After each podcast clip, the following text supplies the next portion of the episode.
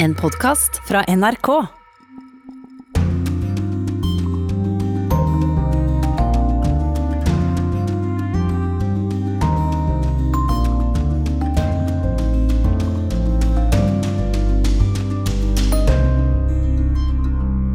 Viruset gjør oss naturlig nok bekymret for oss selv og vårt eget land. Men utviklingsminister Dag Inge Ulstein vil at vi skal heve blikket. For hvordan skal fattige land i Afrika takle koronaviruset? Han blir med i Urix på lørdag. Og hva med barn i Afrika som mistet foreldrene i aids, men som nå passes på av sine besteforeldre i risikogruppen? from HIV and AIDS, many children uh, have left uh, with their grandparents uh, single parent. So if they lose those Vi skal høre fra en av lederne i SOS barnebyer i Afrika. Selv om USA kan stå foran en koronakrise, er ikke president Donald Trump blitt noe bedre venner med amerikanske journalister. What do you say to Americans who are watching you right now who are scared? I think it's a very nasty question. That's really bad reporting. Og podkasten handler også om koronaviruset. Den er både vidsynt og veldig navlebeskuende. Korrespondentbrevet kommer fra Kristin Solberg i Beirut. Her i studio denne lørdagen, Øystein Heggen og utviklingsminister Dag Inge Ulstein, velkommen til oss. Tusen takk. Du er bekymret for koronavirusets virkning på Afrika, og det er jo påvist nå i stadig flere land. Hva er den siste statusen du har? Du, nå er det slik at uh, det brer om seg mer og mer, og spesielt de siste dagene så har vi sett en, en vekst i antall land der en har funnet smitte. Nå er det registrert i 40 land på kontinentet. Der er rundt 800 smitta, og 20 uh, av, av de er, er døde. Og Jeg har vel sagt at jeg er egentlig bekymra for at det har vært så lave tall. Eh, fordi vi vet at eh, spredninga har kommet der. Det har vært lokal eh, spredning. Um, og hva skjer når det treffer land som ikke har kapasitet til å håndtere det, ikke har mulighet til å behandle det, ikke har fått testa det. Og det skjer på toppen av eh, land som har store utfordringer knytta til sult, knytta til klimaendringer, knytta til politisk ustabilitet eh, og den fattigdomsbekjempelsen som er så viktig.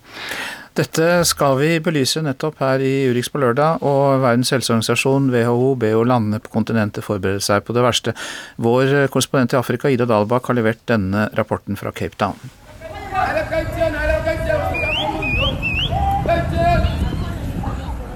Det er fredag ettermiddag, og køene er lange på en av holdeplassene for minibusser i Cape Town. Tett i tett står kvinner i blomstrete skjørt og menn i støvete arbeidsklær, mens de venter på å komme seg hjem etter en lang arbeidsuke. De bor i fattige områder utenfor byen og har ikke råd til å være borte fra jobben en eneste dag, for da får de ikke lønn. Mange er redde for å bli smittet i køen eller i den trange minibussen, men de har ikke noe valg. Afrika er det kontinentet der det finnes flest fattige i verden, og nå sprer frykten seg blant 1,3 milliarder innbyggere. Hver dag blir stadig flere smittet av koronaviruset. Blant de 54 landene er det flere som har et godt utbygd helsevesen, og andre som ikke engang kan teste innbyggerne sine. F.eks. så har Somalia ingen tester og må sende prøvene sine til Sør-Afrika. Det tar tre dager før prøvesvarene kommer. Verdens helseorganisasjon ber Afrika forberede seg på det verste. Samtidig har kontinentet en fordel. For mens gjennomsnittsalderen i Italia er 47,3 år, har Afrika en ung befolkning med en medianalder på 19,7. Håpet er at mange av disse skal klare å være motstandsdyktige mot viruset. Utviklingsminister Dag Inge Ulstein, hvilke land ser du som mest utsatt? Det er klart det er store variasjoner. eh, og Der en har eh, de største utbruddene, kjente utbruddene nå, det er jo noen av landene som faktisk har kapasitet til å håndtere litt, iallfall som Sør-Afrika f.eks. Men likevel der så begynner kapasiteten å, å, å, bli begrensa. Eh, men så ser vi at Nigeria, er et folkerikt land på 200 millioner, som det er først for et par dager siden, da egentlig myndighetene begynte å ta det ordentlig på alvor, som ikke har fått på plass restriksjoner. Du har andre land som Mali, som som har utrolig mye både uroligheter og, og mange underliggende eh, kriser som pågår. Um, og så var det jo nevnt her både Somalia og andre. Um, ta Malawi f.eks., som, som ikke har heller muligheten til å, til å få testa, og midt oppi det hele så har hele regjeringa gått av. Ehm, så klart at det er store store utfordringer. og Det er derfor, eh, sammen med Verdens helseorganisasjon og andre, er veldig bekymra for, for, det eh, sannsynligvis veldig store mørketall og en spredning som allerede har fått eh, pågått altfor lenge, dessverre. Så litt kynisk sett så kan vi jo snu på det, da. Så kan vi si at Afrika er jo vant til både malaria og andre virus og tørke og flom og gresshoppesvermer. Kanskje et kontinent som klarer å takle det? Ja, det er jo noen enorme paradokser. Vi, I løpet av de siste 50 dagene så er det vel 9000 som har mista livet pga. korona. I de samme 50 dagene så, så, er det to millioner mennesker som har mista livet av nettopp aids, malaria, tuberkulose og diaré, som du nevnte. Men, men, her er jo det at hvis det koronaviruset slår ut på toppen av de utfordringene som mange av de utviklingslandene har, så vil det være uante eh, følger for det som, som, mange av de landene vil bære med seg over lang tid. Eh, og Det handler om økonomisk vekst, det handler om tilgang til skole for barna, det handler om helsetjenester som allerede er utrolig sårbare. Så mange av de myndighetene i dette landet her står overfor noen veldig krevende dilemma. Det er klart at Har du et land med 40 millioner innbyggere, mulighet til å behandle 100 eh, knytta til korona, så er det vanskelig å vite om du skal slippe inn de pasientene i det hele tatt.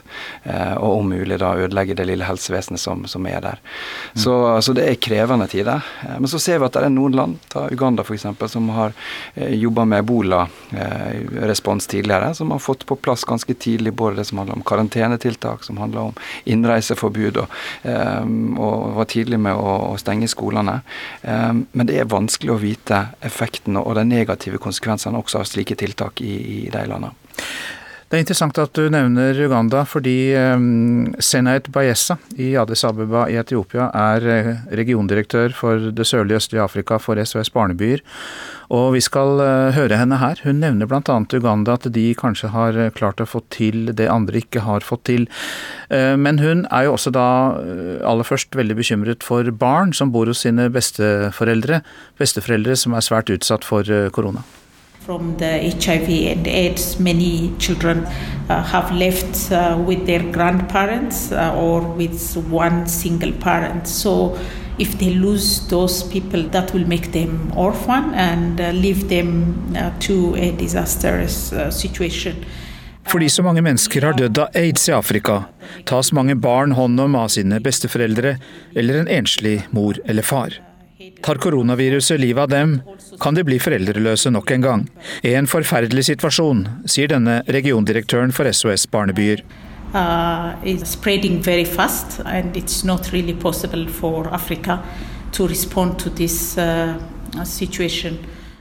Koronaviruset sprer seg raskt. De fleste land i Afrika har ikke godt nok helsevesen til å håndtere det, og det er heller ikke godt nok forberedt, sier Senait Baessa. Mange mennesker lever i fattigdom, de er sårbare for viruset. Men det er også lærdom å hente fra de mange tidligere virussykdommene i Afrika. En av dem er ebola. In Africa, we have uh, struggled and responded to many, so many critical uh, diseases uh, and. This is, uh, we can mention one, uh, Ebola. Uh, so there is a lot of learning from this. So, and for instance, Uganda has already stockpiled protective equipment, drugs, and tents. Ja, Som utviklingsministeren nevnte, så sier også Baeza at Uganda er et av landene som har lagret beskyttelsesutstyr i medisiner og, og, medisiner og telt, og som har mobile testlaboratorier for å ta virusprøver. Og Hun er altså regiondirektør for SOS Barnebyer og er stasjonert i eh, Addis Abeba. Men vi har også med oss fungerende generalsekretær Sissel Aarak i SOS Barnebyer her hjemme. Du er med oss på Skype. God formiddag til deg. Takk skal du ha. God formiddag til dere. Dere er eh, nettopp opptatt av dette med barnas eh, rolle. Vi hørte litt om det her. Eh, hvilke videre konsekvenser frykter dere hvis koronaviruset får tak på Afrika? Ja, jeg må jo bare hekte meg her på bekymringen til våre regionalt ansatte. Vi er svært bekymret for alle de barna vi vet ivaretas av enten besteforeldre eller foreldre med underliggende sykdommer.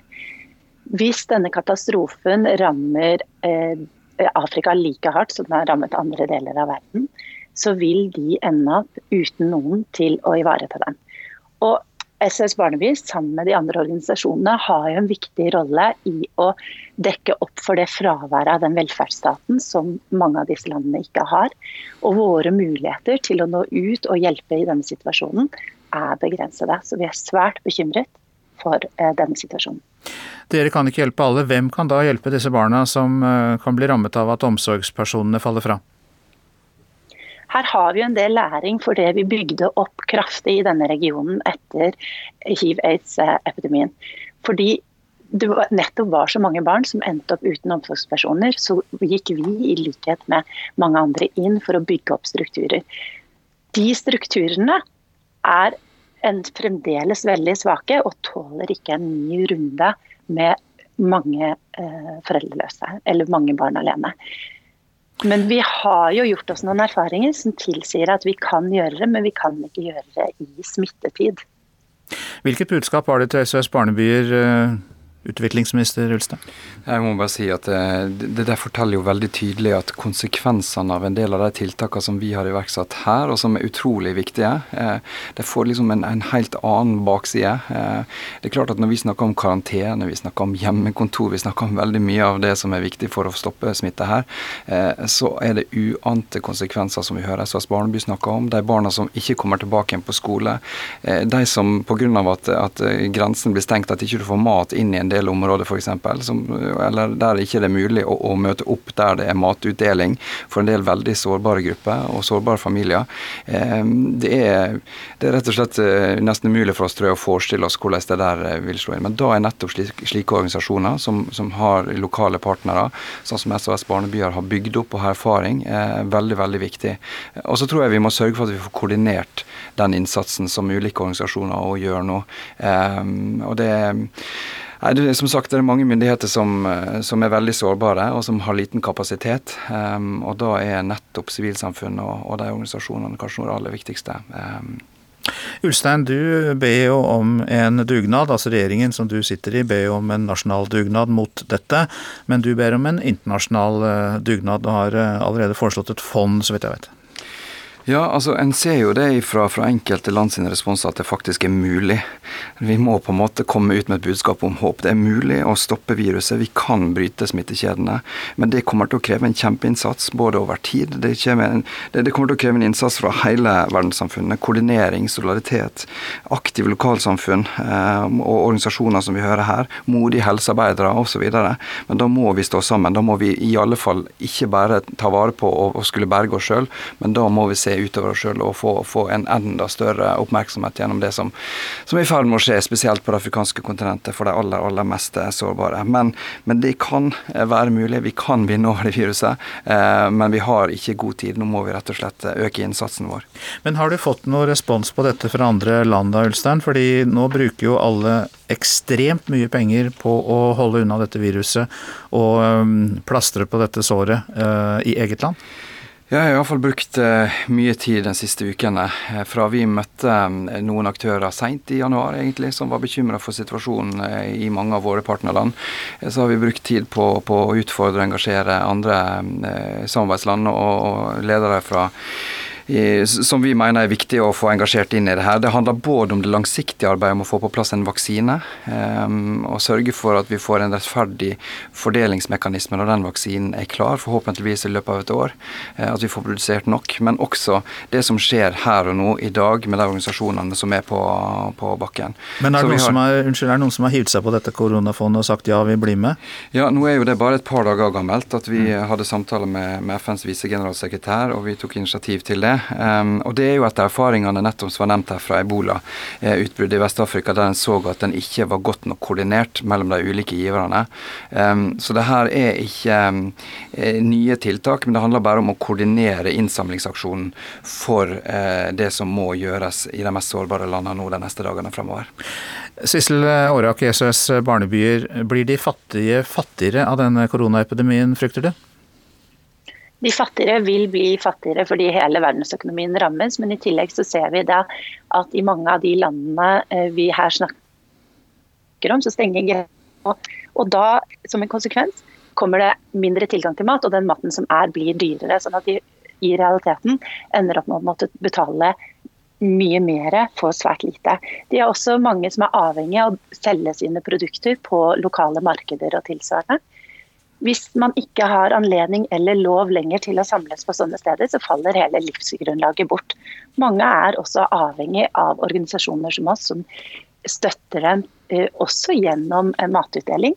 Hvis ikke vi heller får tilgang, så vil dette absolutt ramme de eh, fattigste. Hjertelig takk skal dere ha, Sissel Aarok som vi hørte der i SOS Barnebyer, som er fungerende generalsekretær, og Dag, Inge Ulstein, som er bistandsminister.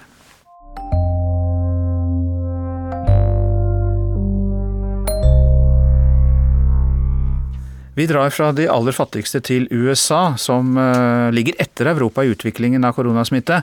Vi skal høre fra vår korrespondent Anders Magnus, men først reaksjonen til Donald Trump da NBC-reporter Peter Alexander i går spurte hva presidenten vil si til amerikanere som er redde for viruset.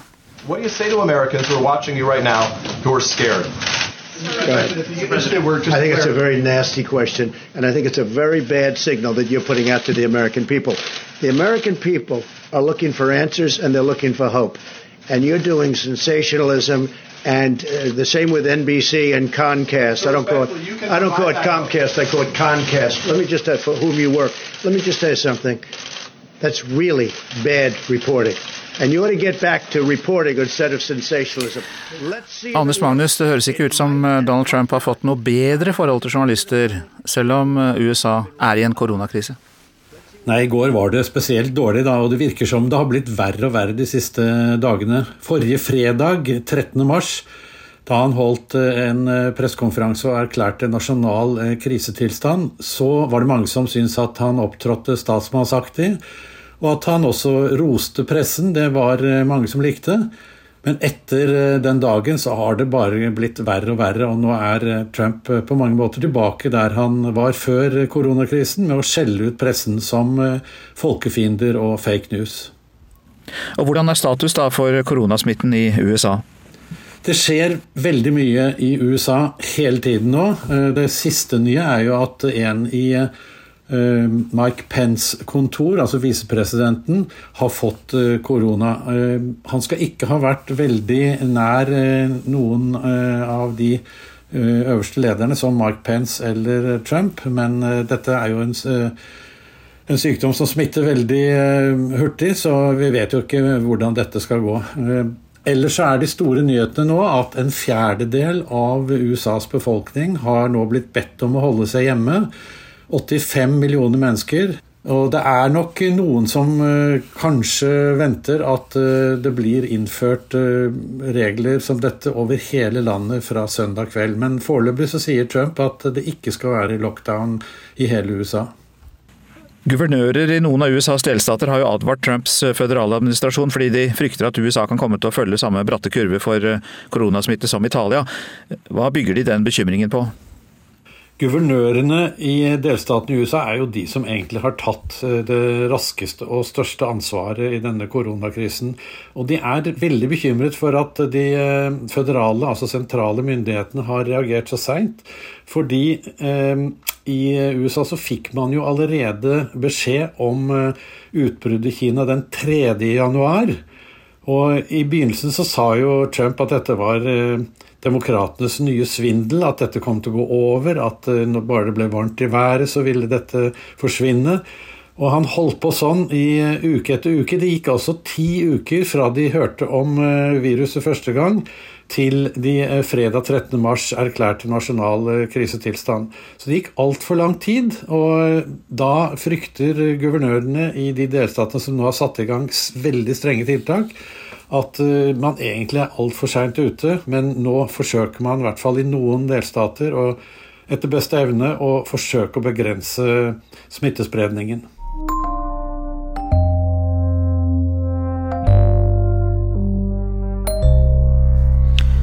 Nylig besøkte kollega Roger Severin Bruland Italia. Landet er fullstendig stengt, og folk må følge veldig strenge karanteneregler. Men med en eh, klorinvasket mikrofon fikk NRK intervjue dataingeniøren Francesco Cos. Han eh, har følgende råd til nordmenn som nå sitter i karantene. Prøv å gjøre, gjøre noe du ellers ikke har tid til. Jeg kjører inn i Italia på en tom motorvei.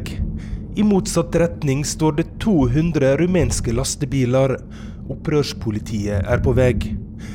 Det er i ferd med å koke over for lastebilsjåførene som har stått der i over ei uke. Inne i Italia er det ingen kontroll. Alle som vil, kan kjøre rett inn. Det er solskinn, og den friske lufta fra Adriaterhavet er som medisin for lungene. Veien svinger seg ned ei fjellside til det asurblå havet. Til den vakre byen Trieste. Sentrum er nesten folketomt. De som er ute, holder god avstand til hverandre.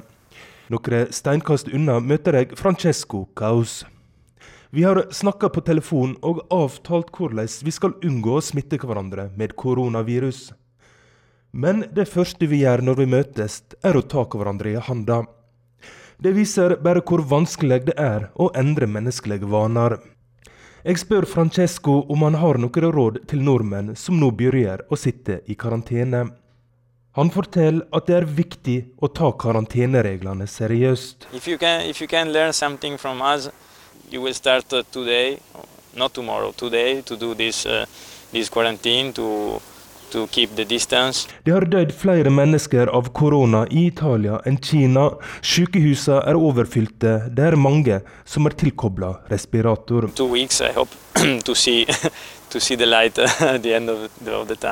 Francesco Caus er dataingeniør, og han arbeider for et firma i den italienske byen Trieste, som leverer tjenester til det norske verftsfirmaet Vard i Ålesund. Han er blant de heldige som kan arbeide hjemmefra, og det kommer godt med når hele Italia har fått ordre om å sitte hjemme. Crazy, you know? it's, it's too, it's too to, to Nå hører jeg mange som er i ferd med å gå på veggen i karantene. Men jeg tror folk også etter hvert vil forstå at det går an å rydde huset og lese ei bok. Det å holde avstand er noe nytt i Italia. Her bor folk i små leiligheter og kjører rundt i små biler. Men familien er stor, og det å være sammen er svært viktig. Vi har begynt å se hverandre i øynene når vi møter noen på gata. Slik at vi kan forberede oss på å gå i store sirkler rundt hverandre, forteller Gaus. Yes, it's, it's På vei tilbake over grensa havner jeg bak de rumenske lastebilene. Jeg får vite at politiet vil eskortere dem gjennom landet. Det blir kalla ei humanitær kolonne. En person kledd i fullt smittevernutstyr tar temperaturen min. Ingen får slippe gjennom med feber. Jeg skal innrømme at jeg tok to Paracet for sikkerhets skyld før jeg kryssa grensa. Den innrømmelsen kom fra Roger Severin Bruland, en av de få journalistene som har vært inn og ut av Italia de siste dagene. Vi har ikke hørt så mye om virkningene av koronaviruset på Midtøsten-landet Libanon. Det skal vi gjøre noe med nå, for korrespondentbrevet er fra Kristin Solberg i Beirut. Første dag våkner jeg om morgenen til noe uvant. Jeg går rundt i stua og klarer ikke å sette fingeren på hva det er. Det tar noen minutter før jeg skjønner det. Det er stillheten jeg legger merke til. Ingen tuting fra gaten, ingen rusing av motorer, ingen høye rop. Plutselig kan jeg høre fuglekvitter. Har det alltid vært så mange fugler i denne byen? I Libanon har alle innbyggere fått beskjed om å holde seg innendørs og bare gå ut i nødsfall. Skoler, butikker, arbeidsplasser, flyplassen og alle grensene er stengt. Landet skal være hermetisk lukket og i lockdown. Utenfor stuevinduet er gatene tomme. Ingenting er åpent, bortsett fra dagligvarebutikker og apoteker. Der står innehaverne beskyttet med hansker, ansiktsmasker og noen ganger vernebriller, som om de er statister i en dårlig film om en fremtidsdystopi. Ingen her vet hvor ille situasjonen er. De offisielle tallene er så lave at ingen tror på dem. De forklarer ikke at skolen har vært stengt i tre uker, den landsomfattende helsekrisen myndighetene har erklært, eller ryktene om alle dem som dør i de sørlige forstedene. Hvor mange er egentlig syke? Tusen? Ti tusen? Enda flere? Ingen vet, og ingen har svaret. Jeg vasker hendene, men de blir egentlig ikke rene, så jeg vasker dem igjen. Jeg desinfiserer telefonen, og der, øverst i venstre hjørne, der navnet til teleoperatøren sto for flere år siden, år eller dager, de glir over i hverandre nå, står det en melding. Stay home. Jeg har vært inne i to uker allerede. Alt for å bekjempe en usynlig fiende som kan finnes i dråper i luften vi puster, på heisknappene vi trykker på, på hendene til dama i kassa på apoteket. Myndighetene vet at det kan bli en stor krise her. Hver tredje innbygger i landet er en flyktning, palestinsk eller syrisk. Noen bor i leirer, andre i overbefolkede fattige bydeler. De rike i Libanon har råd til god helsehjelp. De fattige må ta til takke med det de får. Noen ganger er det ikke noe. Dag ti i isolasjon hjemme, og kjøleskapet er tomt. Jeg trykker på heisknappen med albuen og drar ned, ut. Det har nettopp regnet, og luften slår kjølig og nyvasket mot meg når jeg åpner døren. Jeg drar den dypt ned i lungene. Jeg hadde glemt hvordan byen lukter. Asfalt og oliventrær. Det kjennes som måneder siden sist. Her ute er gatene likevel ikke helt tomme. I et veikryss står de syriske gatebarna og tigger fra de få bilene som kjører forbi, med fingrene knyttet om skitne engangsmasker som noen velmenende forbipasserende må ha utstyrt dem med. En taxisjåfør stanser og ser på meg med et desperat blikk. Han har antagelig ikke råd til å holde seg hjemme, selv om det knapt finnes kunder ute. Dette var vel egentlig det siste dette landet trengte. En diger økonomisk krise truet med å dytte landet over stupet allerede før viruset. Siden i høst har folk sunket dypere ned i fattigdom. Hva vil skje nå? Her finnes intet oljefond, bare en statsgjeld som er blant de høyeste i verden. Men om det er ille her, kan det bli enda verre i nabolandet. For hvis viruset sprer seg i Syria, der helsevesenet ligger med brukket rygg etter ni år med krig, kan det bli virkelig ille. I flyktningeleirer, der folk bor tett i tett uten tilgang til nok såpe og vann, kan sykdommen spre seg uhindret. Trusselen fra viruset har klart det få andre ting har klart de siste lange årene å overskygge krigen. Kanskje forstår vi den mer nå, krigen. Jeg hører en manglende forståelse i hvordan man ofte snakker om dem som rammes av krig, hvordan man skrur av medfølelsen med en gang man ser et hvitt telt. Man ser ikke alltid at flyktningen man iherdig forsøker å stenge ute, er en tobarnsfar som for kort tid siden hadde egen bolig og bil i en forstad av Aleppo. Som tilbrakte søndagene i parken med familien og ukedagene på jobb, ubekymret i sitt middelklasseliv. Så kom krigen, og alt raknet over natten. Krefter større enn ham selv, som plutselig gjorde seg gjeldende, tok fra ham alt. Hjemmet og jobben, barna mistet skolegangen. Så sårbart det er, alt de har, hvordan de lever. Og det er nettopp denne sårbarheten som kan være vanskelig for folk i Europa, og kanskje spesielt i Norge, fullt ut å forstå. Tragedier skjer naturligvis der også. Vi får en kreftdiagnose. Noen vi er glade i, dør. Men verden rundt oss består. Den henger sammen slik vi alltid har kjent den. Er det noe vi kan stole på, så er det det. Men ikke nå lenger. Noen dør, andre mister jobben, kronekursen kollapser, studenter bekymrer seg om de får tatt eksamen. En stor global nedgangstid venter, og ingen vet hvordan verden ser ut når alt dette er over. Så sårbart det er, alt vi har, hvordan vi lever. Alt i butikken er et smittehelvete. Rulletrappen på Spinnis, handlevognen, juskartongen. Hva med alle som har tatt på tomatene før meg, er tomatene fulle av virus nå? Jeg klør plutselig på overleppa, men jeg tok på gelenderet på veien inn, jeg kan ikke ta meg i ansiktet nå. Men hyllene er ennå fulle. Libaneserne har vært ute en vinternatt før. De har fylt skapene sine, men ikke hamstret i panikk. Hvor lenge vil det holde? Hvor mange pakker med bønner kan jeg kjøpe uten at jeg er usolidarisk? Hva trenger jeg egentlig hvis dette går skikkelig til helvete?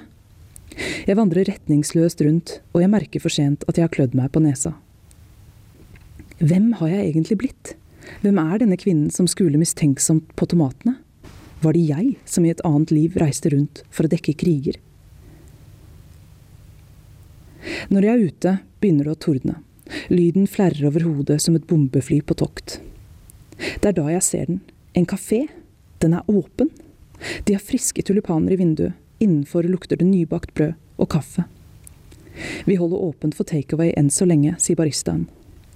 Jeg er den eneste her inne, sikkert på lenge, og det føles ut som vi gjør noe forbudt. At det er kokain jeg kjøper på to meters avstand, ikke kaffe.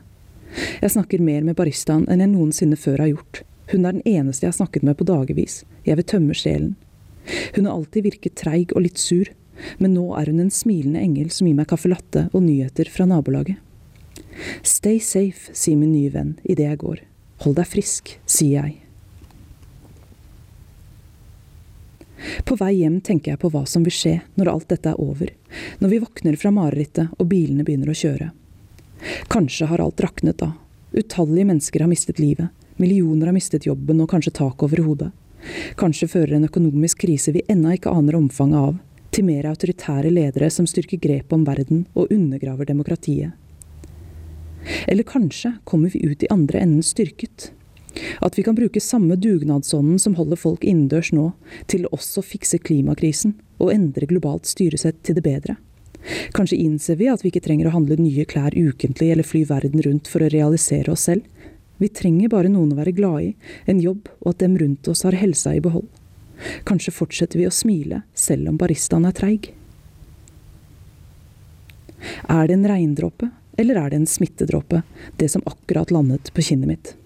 Skal jeg tørke bort dråpen med mine urene hender, eller la den være? Jeg er nesten hjemme, jeg skal inn igjen, tilbake i isolat. Jeg vet ikke hvor lenge eller når neste tur ut blir. Så hører jeg fuglekvitter igjen. Det sprer seg fra trærne i de forlatte gatene. Løvet er så grønt nå om våren, og jeg må velge å fokusere på det, på fuglekvitteret.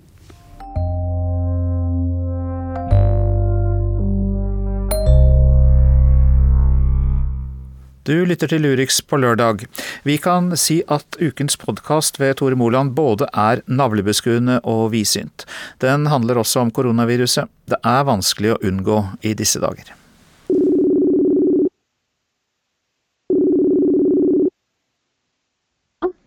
Hallo? Hei, der er du. Vent litt. Jeg, jeg fikk ikke hodetelefonen til å funke. Jeg må bare prøve en gang til. Jeg, jeg, bare hold linja. Hallo, hører du meg nå? Jeg hører deg.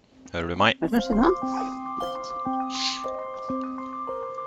Ja, så sitter vi her, da, alle sammen, eh, hver for oss, og prøver som best vi kan å forstå oss på hva det egentlig er som skjer i verden. Ja, jeg sitter her på jobb på Marienlyst, og jeg har jo ikke sett noen av dere på veldig lenge. Ja, jeg prøver å komme meg hjem fra USA, jeg. Og jeg sitter på hjemmekontor i karantene og prøver å finne ut av hva som egentlig foregår der ute. Det som foregår er jo en verdenskrig mot dette viruset. Men hvordan går det egentlig med den? Og hvem er det egentlig vi kan stole på? Hvem er det som forteller sannheten? Og Jobber vi sammen nå, eller slåss vi hver for oss og i verste fall også mot hverandre? Du hører på Krig og fred? Med Halvard Sandberg. Tove Bjørgaas. Og Tore Moland. Ok, Tove, hvor er du i verden? Jeg sitter på flyplassen i Amsterdam. Jeg har klart å komme meg hit fra Washington. Nå er det tidlig om morgenen, og jeg skal gå om bord i et fly til Oslo nå om et halvannen times tid. Tove, du var i USA for å skrive bok, du, men du har rett og slett måttet bestemme deg for å reise hjem? Ja, jeg har hatt en uh, ganske fæle dag, egentlig. det føles litt som å være i en Nesten som det er en slags krig. Uh, jeg måtte bestemme meg for om jeg skulle bli der borte og kanskje måtte være der i i mange måneder, eller reise hjem. Eh, og, og, vinduet for å reise hjem virket som det egentlig ble mindre og mindre i løpet av bare et par dager. Så det har egentlig vært en utrolig, rett og slett en veldig, veldig stor eh, påkjenning, syns jeg. Det er ikke alle som er like gode på usikkerhet. Det er ikke alle, som er like gode til å takle usikkerhet, og jeg er kanskje en av dem som, eh, ja, jeg, som trenger informasjon. Og det er veldig vanskelig å få akkurat nå. Ja, føler du at du kan stole på den informasjonen vi får nå? Eller hvor forskjellig er den informasjonen man får i USA og i Europa og i Norge? Det er vel det at alle forsøker å kjempe for sine her. Eh, og så eh, velger de litt ulike strategier. Eh, men vi har fått en sånn en slags frykt for hverandre. Nå sitter jeg her på en stor sånn eh, avgangshall på, på, på Schiphol i Amsterdam. Det er ikke veldig mange mennesker her, men alle sitter liksom i hver sin ende av en sånn sofa. ikke sant? Du vil liksom være fire meter unna de andre menneskene. Alle de andre menneskene er plutselig blitt farlige. Plutselig det som er helt normalt å kjøpe en kaffe på Starbucks eller å ta imot et glass med juice fra flyvertinna, er plutselig blitt Skal jeg gjøre det? Er det farlig? Hun tok på det glasset. Er det greit? Ikke sant? Det er helt merkelig, altså. Så jeg tror det er liksom litt av det som har skjedd med responsen til, til de ulike landene. Og i Norge så, så vil vi også liksom, vil stenge verden ute, for verden brakte dette til oss. Jeg husker For ti år siden så, så jeg Tove Bjørgaas i Mexico City med ansiktsmaske og tenkte for en overdrivelse. Ti år senere så samfarer jeg Hornbach og Bauhaus i jakt på de samme maskene. Alt jeg ser er tomme hyller. Jeg kjøper noen dyre spraylakkeringsmasker, slalåmbriller, latekshansker og en heldekkende vernedress.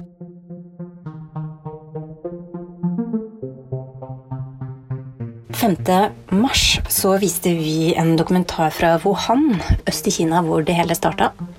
Med fulle sykehus, desperat eh, situasjon for helsepersonell og tomme gater i det som jo er en by med mange millioner innbyggere. Myndighetene hadde satt i gang eh, ekstremtiltak. Ingen fikk lov å forlate hjemmene sine. Og jeg syns at det hele virket ganske fjernt fra oss, og jeg fikk veldig sympati med en som satt i hjemmekarantene. Og nå, knappe to uker senere, så sitter jeg selv i karantene. Og jeg tenker litt ekstra over hvor sårbare vi er, og hvor raskt perspektivene endrer seg nå.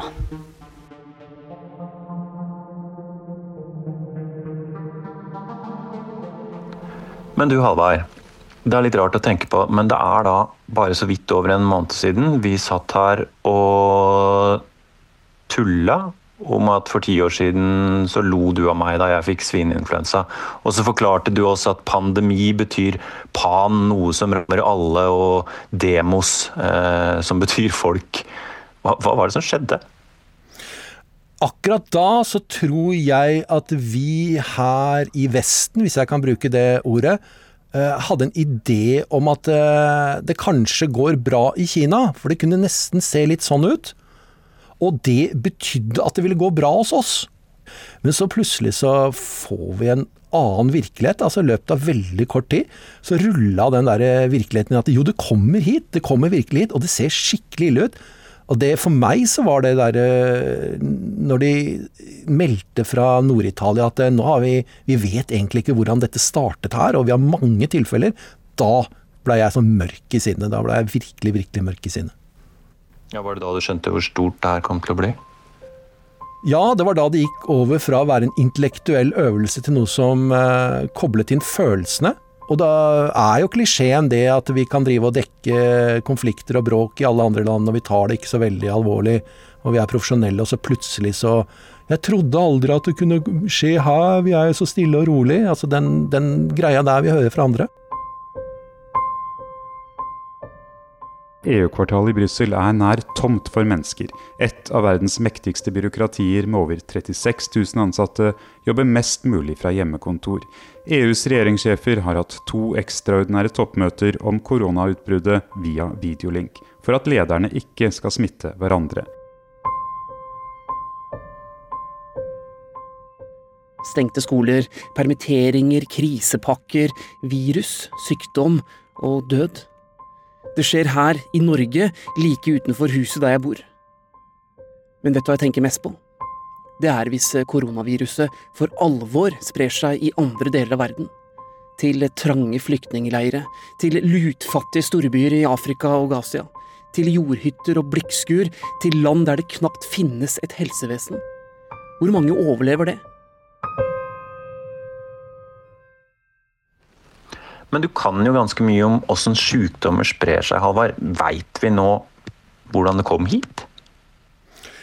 Det vet vi ikke, hvordan de første tilfellene kom til Norge. Det vet ikke. Vi vet helt sikkert, eh, eller nesten 100 sikkert, til tross for at det er en del konspirasjonsteorier, om at det oppsto en eller annen gang i fjor høst i Hubei-provinsen i, eh, i Kina. Og så begynte det å boble noe veldig i begynnelsen av desember. Uh, og så ble det en fullstendig krise i begynnelsen av uh, januar, da i denne byen Wuhan. Her så var det jo krisen i Nord-Italia, og det er der de aller fleste utenlandske smittetilfellene til Norge har kommet fra. da. Og så har det kommet fra Sveits, også fra Tyrol, Østerrike. Kommet svømmet inn. Men nå begynner det å bli så mye innlandssmitte i Norge at det egentlig Det signalet fra utlandet det begynner å forsvinne i havet av smittetilfeller. Men hvis vi prøver å holde fast på det globale, da, som er eh, krig og fred sin greie, hvor er det verst nå? Hvor er det det ikke har blitt eh, så ille ennå?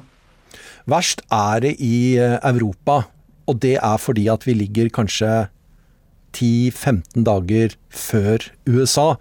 Men eh, alle driver jo og peker på USA nå. Hva er det vi ikke hører om oppi denne situasjonen, da? Afrika? Ikke så veldig mye. Ikke noe om Russland. Og så, hva skjer egentlig i Iran? For der eh, må det skje veldig mye, og så kommer det noen tall ut. Og så får vi rapporter om at det er ikke ekte tall. Eh, blir, tallene blir undertrykt. Så hva som egentlig foregår i Iran, det For der er de i denne stormperioden nå. Hvor helsevesenet er i ferd med å klappe sammen. Er det noen steder der det har begynt å gå bra, eller i hvert fall bedre? Det går bra, det har jeg gjort i Kina. Det er liksom den der eh, historien som har gått nå i noen uh, uker. Jeg lagde en krig og fred om det Eh, Kina greide det, greier de vestlige demokratiene å gjøre det samme? Og hvor svaret fra de folkene jeg hadde med meg da, var jo nei.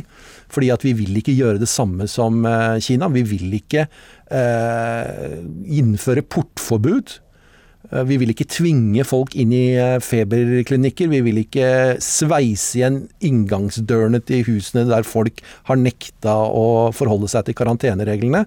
Vi, vi vil ikke gjøre sånne ting. Og svaret fra ekspertene som jeg snakker med, sier at ja, da, da vil eh, smitten fortsette å spre seg i, eh, i, landet.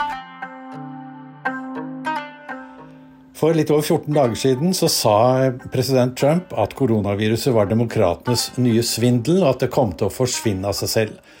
Men nå kan det være at uh, alvoret synker inn i begge leirer, for Eh, senest eh, på mandag så sa eh, Trump at nå har man ikke lenger kontroll over utviklingen av dette virusutbruddet, til tross for at han dagen før sa at han hadde sterk kontroll. Også britenes storstue, puben, er folketom. Keep calm and carry on. Først nå forstår jeg hva dette går ut på. Naboene mine organiserer seg i grupper for å hjelpe de gamle og sårbare med innkjøp.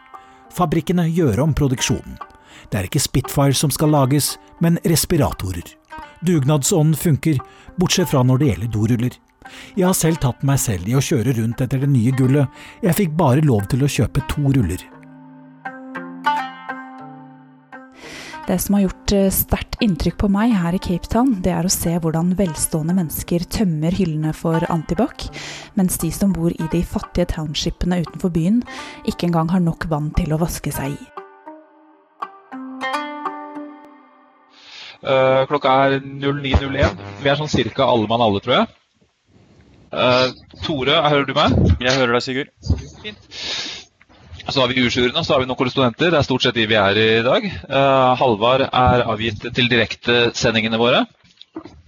Uh, Eller så har vi på utefronten, så hadde vi jo Roger uh, ute på en kjøretur fra Berlin. Sånn her har det blitt i utenriksredaksjonen i NRK om dagen. Vi har rett og slett morgenmøtene våre via videotelefon. Vi sitter sammen i et stort datarom, men vi sitter egentlig hver for oss. Ja, du fikk satt i gang noe helt historisk, du, Tore. Jeg tror jeg egentlig aldri har gjort det du fikk til på noen morgenmøter i uh, NRKs historie.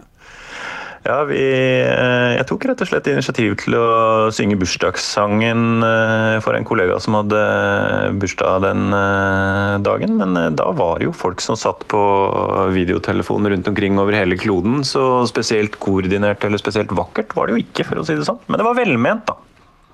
Det var også veldig bra, fordi at vi hadde jo hatt det første morgenmøtet etter at den nye virkeligheten kom inn over oss. og vi hadde jo vært så alvorlige, alle var gravalvorlige, og vi hadde jo den ene ille historien å fortelle, alle sammen, og alle var liksom sånn Hva skjer nå, hvordan skal dette gå? Og, og i bakhodet mitt så var det sånn Hvordan skal det gå med meg personlig? Og så kommer det da en sånn luring og at nå skal hun synge bursdagssangen også, så blei det liksom litt enklere å fortsette den der vanskelige dagen.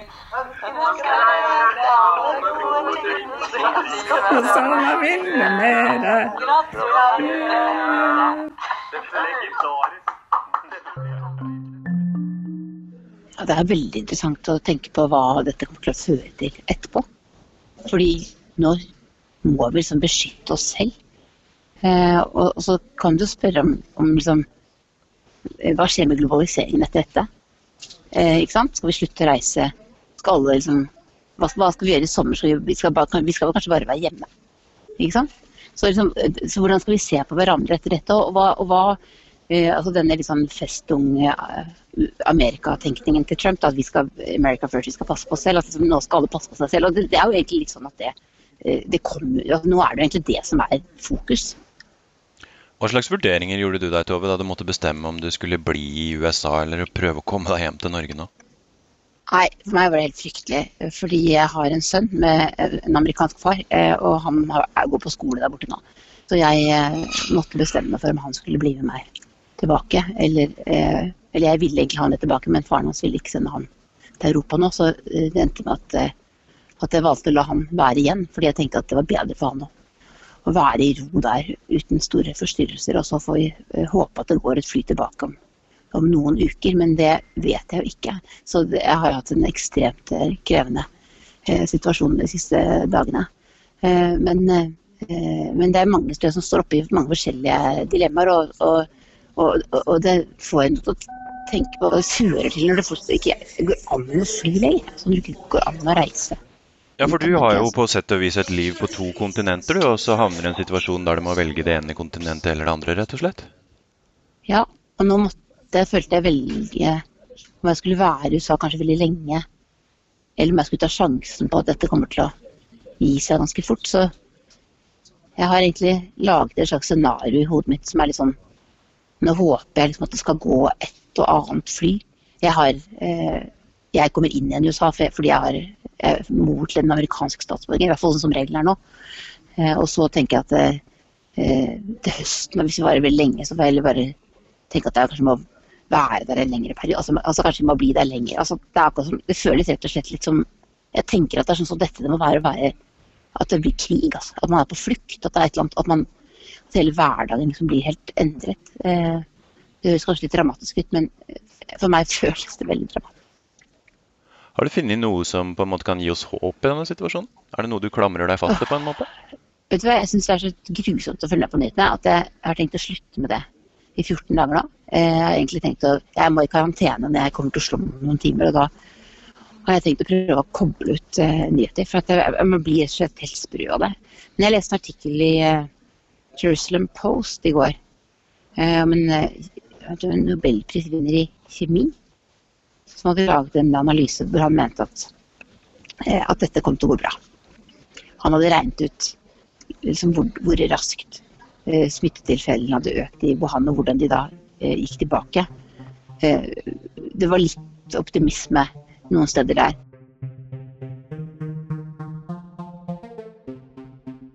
Et lite håp herfra eh, fikk jeg i hvert fall for noen dager siden da jeg besøkte Johns Hopkins eh, Hospital, som jo er et av verdens eh, beste sykehus.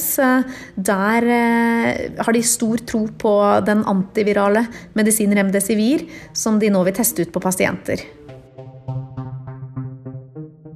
Jeg har bodd og jobbet mange år i USA, så jeg tenker og er bekymret for venner og kjente og ukjente der. Eh, men jeg har et ørlite håp om at denne epidemien eh, kan få flere amerikanere til å tenke at eh, de må gjøre noe for å endre helsevesenet der og gjøre det tilgjengelig for alle. Jeg har tenkt mye på den mentale reisen vi gjør i disse dager. Hvordan det var greit å klemme og gå på kino for noen dager siden, og hvor ugreit det er her i Norge nå. Da jeg ringte og tryglet sønnen min om å avbryte reisen sin i Latin-Amerika for noen dager siden, så var det først helt uaktuelt for han, for det, der var jo verden normal og korona fortsatt først og fremst et ølmerke. Men så ble heldigvis hjemreise en akseptabel løsning ganske fort, før grenser stengte og fly slutta å fly. Så nå har jeg han vel hjemme, selv om det er i, i karantene. Men du Halvard, er det litt sånn hvert land for seg sjøl nå, eller? Altså, hvert land sine løsninger, og sjøl syns jeg jo det er litt creepy når liksom grensene stenges og det står soldater på flyplassen og vi sier at nå er det bare nordmenn som slipper inn og sånn. Er det, er det eh, isolasjonismen som eh, vinner fram nå? Ja, det er jo det, men det er ikke fordi at de andre menneskene der ute er farlige, eller at de vil oss vondt, eller vi er bedre enn dem. Det er jo ikke det som ligger bak dette her. Dette er jo det at vi skal ha minst mulig bevegelse av mennesker. Og hvis du stenger en flyplass, så vet du at det ikke kommer noen fly. Stenger en havn, så kommer ikke en båt. Er ikke konsertlokalet åpent, så er det ingen som går på konsert. Er kinoen stengt, er det ikke noen som går der. Er restauranten stengt, så er det ingen som går der. Du skal prøve Overalt, i alle landene nå, så prøver de da å stanse bevegelse av mennesker. Det er det som er ideen bak det. Og da er det med å stenge grenser, det er liksom sånn det er jo ikke verre det enn at vi har stengt kinoen. Det er akkurat samme tiltaket. Det er ingen som skal bevege seg noe særlig uansett nå. Så, og det er for fellesskapet beste. Det er ikke det at vi nordmenn nå plutselig, eller svenskene nå, ikke får lov til å bevege på seg fordi at de har feil politisk tankegang. Ja, Det er ikke det, eller at de har feil hudfarge eller noe sånt noe som det. Det er fordi at vi alle skal beskytte alle. Det er tankegangen. Så jeg syns ikke det med grensestengning at det er så fælt, det nå. Det er ikke, det, jeg ser ikke som isolasjonisme og de der gamle spøkelsene fra, øh, fra tilbake av. Hvis du skal se etter noe som gir deg håp, da, hva er det? At dette er den siste pandemien. Det er det, altså. Det er den siste pandemien, Tore. Det er jeg helt sikker på. Vi, det som gir meg håp, er hvor utrolig raskt vi fikk eh, genomet, altså arvestoffet til dette viruset, ut til verden og delt blant forskere. Det gikk kjempefort. Og de har fått mange, mange flere av disse, de forskjellige virusenes arvestoff ut, for det er mange av dem nå, av dette koronaviruset som sirkulerer. Og forskerne er nå i stand til å forstå så mye om virus og hvordan det agerer, hvordan det virker på kroppen vår, at jeg er sikker på at neste gang, om ti pluss år, når det kommer en pandemi, så vil vi ha en fullstendig flott, eh, aktiv, god, sikker vaksine som blir spytta ut av fire millioner legekontorer innen timer. Der tror jeg vi beveger oss. Det gir meg håp om at dette er siste gangen at eh, noen av oss kommer til å gjennomleve noe sånt som dette. Humoren og sjølironien blant folk i Beijing har gjort stort inntrykk på meg. Trass i alvoret så har mange kinesere en fantastisk evne til å holde motet oppe, og jeg har ledd sammen med drosjesjåfører som har dekka førerdelen av bilen sin med plast for at de ikke skal bli smittet av kundene sine.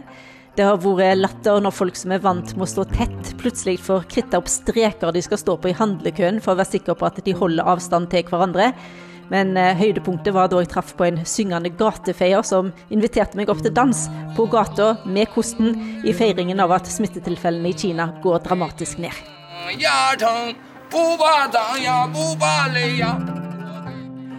Nå har jeg eh, akkurat eh, trykket på knappen og avbestilt en familietur sørover. Jeg har alltid sett på reising som en vaksine mot eh, fordommer, og nå tvinges vi alle til å isolere oss, stenge oss eh, inne mer og mer og ta noen skritt tilbake i globaliseringen. Det er som å sette seg på en langdistanseflygning. Den første timen pleier å gå greit, men eh, så kommer uventet turbulens. Jeg skal iallfall love reiselivsbransjen at her vi er nå, på rullebanen, klar for avgang, så skal jeg bruke penger på dere så snart dette er over.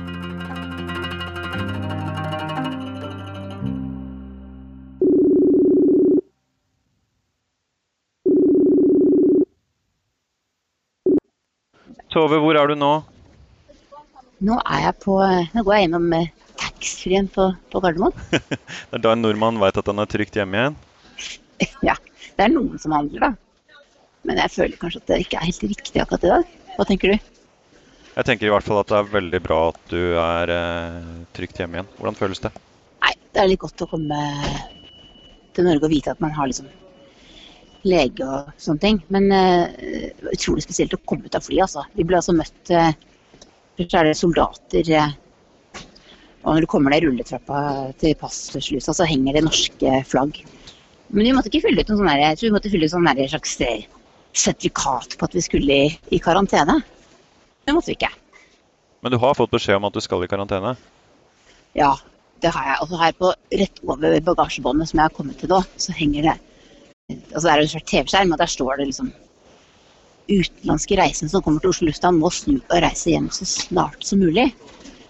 Norske passasjerer skal hjem umiddelbart og være i 14 dagers hjemmekarantene. Så hva gjør Det du nå, da? Jeg tenker sånn, hvis vi, hvis vi bare er inne nå i 14 dager, hvis alle bare kan være inne, vær så snill, vær inne, så, eh, så eh, kanskje vi klarer det. Dette er jo en helt sånn ekstrem utfordring for oss, men som en venn av meg skrev på Facebook, besteforeldrene mine ble bedt om å, å dra i krigen og kjempe for landet sitt. Du ble bedt om å sitte i sofaen din og se på Netflix i 14 dager. Kan du være så snill å gjøre det? Det klarer du vel? Dette klarer vi. Kom deg hjem, Tove. Det skal jeg gjøre. Du har hørt Krig og fred, en podkast fra NRK Urix. Lydregien var ved Lisbeth Sellreite. Og den utenrikstimen du har hørt nå, var ved teknisk ansvarlig Eli Kyrkjebø, produsent Vidar Eidhammer og i studio i dag Øystein Heggen.